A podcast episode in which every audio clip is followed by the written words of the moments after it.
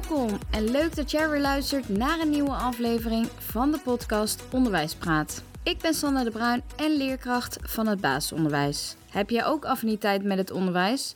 Dan is deze podcast echt iets voor jou. Ik help jou door middel van tips en handvatten met het worden van een goede leerkracht.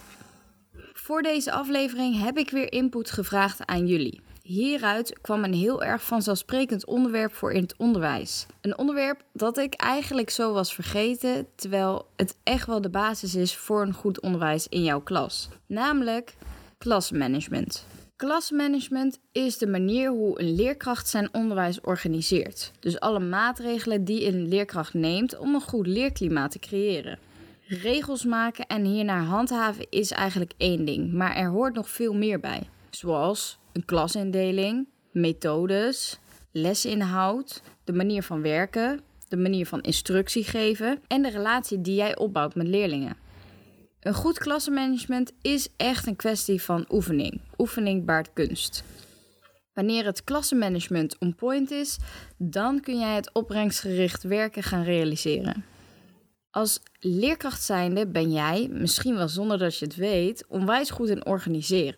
Het managen van een klas vraagt namelijk heel veel organisatorische vaardigheden.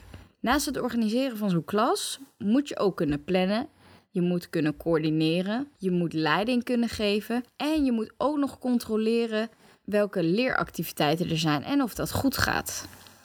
En dan heeft elke leerling ook nog eigen onderwijsbehoeften. Dus bij deze complimenten voor alle leerkrachten onder ons. Het onderwijs is, als je het mij vraagt, echt een heel erg ondergeschat vak.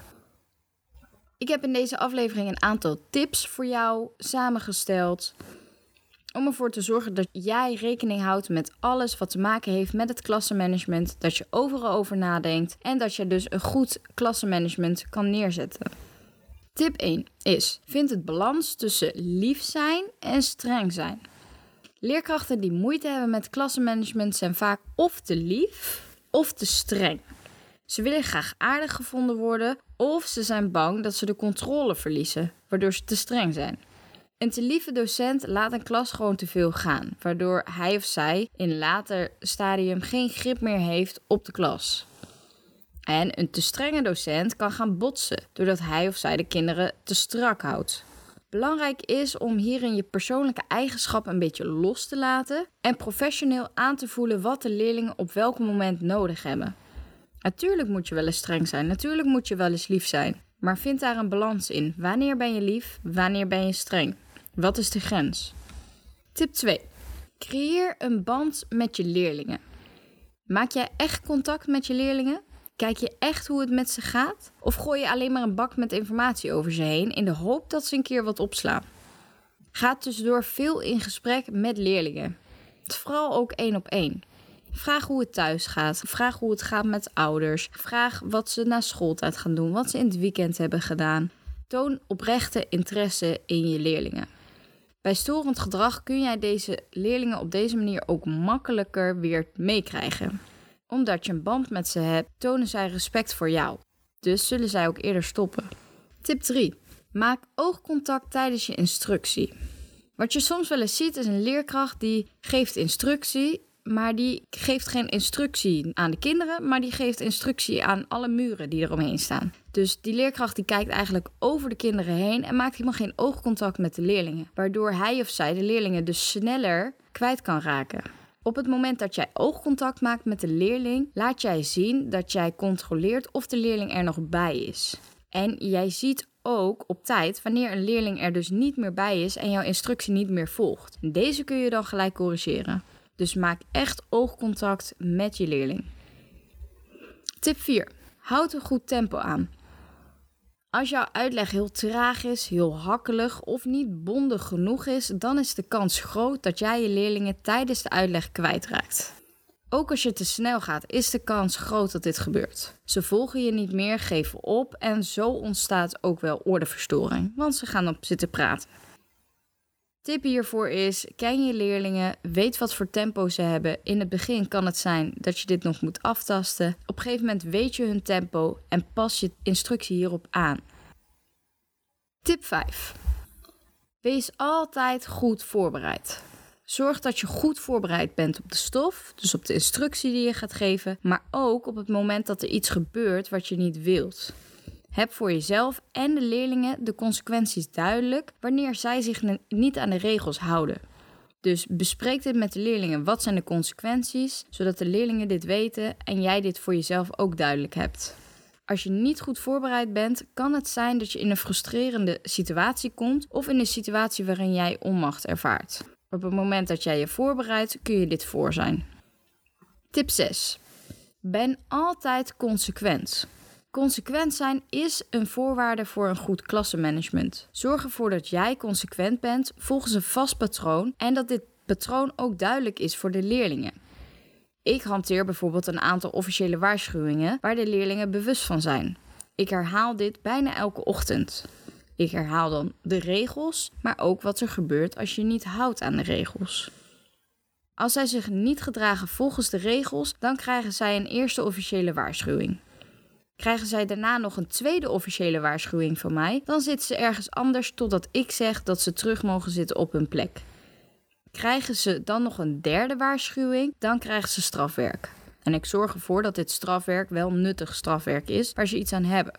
Zoals tafelsommetjes, optelsommetjes, dat soort dingen. Krijgen ze na die derde waarschuwing nog een vierde waarschuwing, dan is het buiten de klas zitten met strafwerk en zit je in de pauze binnen. Tip 7. Oefen met de leerlingen. Verwacht niet van de leerlingen dat zij gelijk alles kunnen zoals jij het ideale beeld in je hoofd hebt. Daarom is het goed om dit te oefenen. Lukt het niet? Doe het gewoon opnieuw. Net zolang tot de leerlingen weten hoe jij het wilt. Bijvoorbeeld, als jij wil dat de leerlingen in een stilterij gaan staan, zodat ze naar buiten kunnen. Als ik dat doe, dan kies ik van tevoren twee leerlingen die vooraan staan en twee leerlingen die achteraan staan. Zij zijn mede verantwoordelijk voor de rij. Als deze kinderen worden gekozen, dan zien zij dit als een beloning. Dus kies hierop ook de leerlingen uit. Nu zal het vast voorkomen dat er een leerling of meerdere leerlingen zijn die niet of minder vaak deze positie in de rij kunnen krijgen. Maak dit bespreekbaar klassikaal. Hoe kan het nou dat jij er nog nooit hebt gestaan? Of dat jij er minder vaak hebt gestaan? En hoe kunnen we er nou voor zorgen dat jij daar ook eens kan staan? Of hoe kun jij daarvoor zorgen? Oké, als je de posities van de leerlingen weet, dan gaan de leerlingen netjes, rustig en stil in de rij staan. Staan ze niet stil, staan ze niet netjes, laat je ze weer zitten en doe je het gewoon opnieuw. Net zolang tot het gaat zoals jij het wil. Hou je dit vol, zul je zien, op een gegeven moment gaan de leerlingen elke keer doen wat jij vraagt, omdat ze weten dat het van hun speeltijd afgaat op het moment dat het niet goed gaat. Nog een handig voorbeeldje is de overgang tussen de lessen. Bij sommige leerkrachten kan dit ontzettend chaotisch zijn, kan dit frustrerend zijn en kunnen er akkefietjes ontstaan tijdens de overgangen omdat de leerlingen even vrij zijn. Zorg voor deze overgangen dat ook deze gestructureerd gaan. Dit zal jou een bak met energie kosten voorbeeldje van mij is, wij werken veel met iPads. Dus bij een overgang laat ik bijvoorbeeld twee groepjes tegelijkertijd de iPad pakken en ik laat de rest beoordelen of dit goed gaat. Gaat het niet goed, dan doen ze het gewoon opnieuw. Leggen ze de iPad weer terug, gaan ze weer zitten, doen ze het opnieuw. Ik bespreek hierin wat goed is en wat ik verwacht van de leerlingen om te doen. Bespreek dus duidelijk wat leerlingen weg moeten leggen tijdens de overgang, waar ze dit neer mogen leggen en wat ze voor zich mogen pakken en wanneer ze dit mogen doen. Heb je bijvoorbeeld een codewoord? Kies jij groepjes die dit mogen doen? Heb jij nummers die jij eruit kiest? Maak het gestructureerd. En spreek hierin je verwachtingen uit over het gedrag en het volume van de stem. Dan de laatste tip, tip 8, is houd een spiegel voor. Je hoort wel eens, het is gewoon een lastige klas. Veel leerkrachten hebben echt wel moeite met deze klas. Dit is verreweg de populairste uitspraak van docenten. Nu kun jij de leerlingen de schuld geven, maar hier los je gewoon niks mee op. Dus houd voor jezelf eens een spiegel voor en kijk eens wat jij kan veranderen om ervoor te zorgen dat het wel lekker loopt. Ben je consequent genoeg? Ben je voorbereid? Weten de leerlingen wat ze kunnen verwachten van jou? Weten de leerlingen wat er van hun wordt verwacht? Ben je duidelijk? Heb jij een goede band met de leerlingen? Ga ook de vorige punten eens na om te kijken waar je nog in kan verbeteren. Het ideale zou zijn om elke dag even een spiegel voor te houden, desnoods ook in de pauzes. evalueer voor jezelf hoe het gaat en wat jij kan doen om het nog succesvoller te maken. De leerlingen kunnen niet veranderen zonder dat jij verandert wat je doet. Een fijne en een goed functionerende klas begint bij jou. Dit waren de tips. Ik herhaal ze nog even één keer. Tip 1 was: vind het balans tussen lief en streng zijn. Tip 2: creëer een band met je leerlingen. Tip 3: maak oogcontact tijdens instructie. Tip 4: houd een goed tempo aan tijdens de instructie. Tip 5: wees altijd goed voorbereid. Tip 6: wees altijd consequent. Tip 7: oefen met de leerlingen. Tip 8: houd een spiegel voor. Dat was het weer voor deze aflevering. Ik hoop dat jij er wat aan hebt gehad. Wil jij deze podcast helpen groeien? Laat dan vooral even een review achter. Deel deze podcast in je Instagram story en tag mij erin. Als ik dit zie, dan deel ik het zodat wij elkaar kunnen helpen aan meer kijkers. Help ook je vrienden, medestudenten en collega's door deze podcast met ze te delen. Wil jij nooit een aflevering missen? Druk dan vooral even op de knop om deze podcast te volgen, zodat jij nooit een aflevering mist. Wil jij meer zien van mij? Volg mij dan vooral even op Instagram, genaamd Onderwijspraat. Zo ben jij altijd optimaal op de hoogte. Hierop vind je foto's, filmpjes, quotes en aankondigingen van nieuwe afleveringen. Stuur mij vooral een berichtje of reageer in een comment. Vertel wat je ervan vindt en waar ik jou mee kan helpen.